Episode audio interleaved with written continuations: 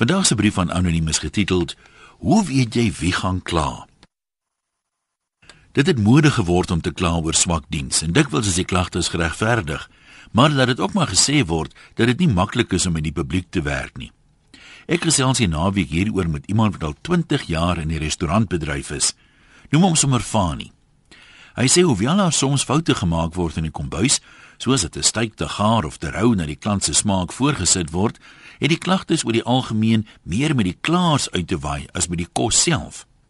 Volgens Fani kan hy redelik akkuraat voorspel of mense wat by sy restaurant kom eet, gaan kla of nie. Dit doen hy al as hulle inkom, nog voor hulle gaan sit. Dis alles in die lyfstaal, sê hy.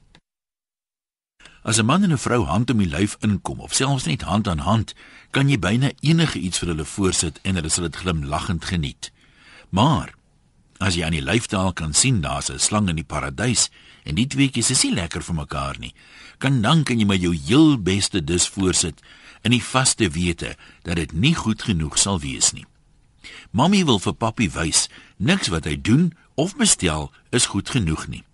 Papi weet dit egter reeds. Daarom is dit gewoonlik die laaste strooitjie wat die kameel se rug breek. Al is daai strooitjie diep ingedruk in 'n extra thick double chocolate milkshake. Dan kry jy ook die ouetjie wat 'n meisie wil beïndruk met sy gebrek aan manlikheid. Hy sien homself gewoonlik as 'n breker wat nie twak vat van kabouters nie en dus ook nie van kelners nie. Jy sien dit sommer aan sy instap. Hy loop soos iemand wat rubberbolletjies onder sy voete het.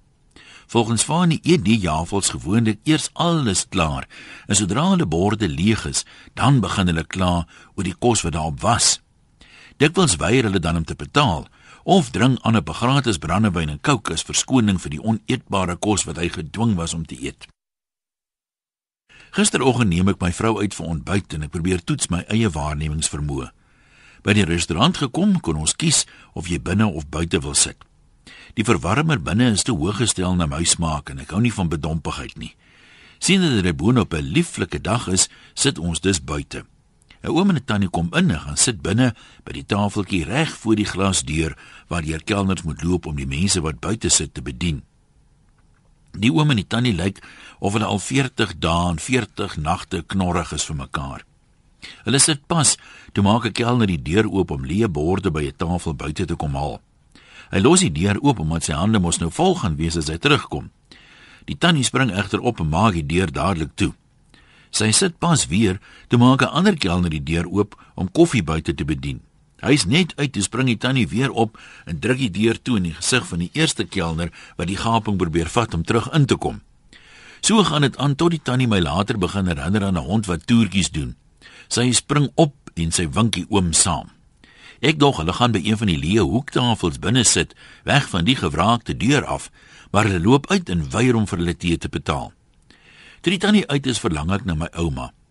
As ons oor iets huil of kla toe ons nog klein was, het sy altyd gesê: "Hou op, jou gesig gaan so bly staan." Ek wou dit nooit glo nie, maar die tannie in die koffiewinkel is 'n wandelende bewys dat ouma vraggies reg was. So pas op dat dit nie dalk met jou ook gebeur as jy te veel kla nie. Groete van oor tot oor anoniem.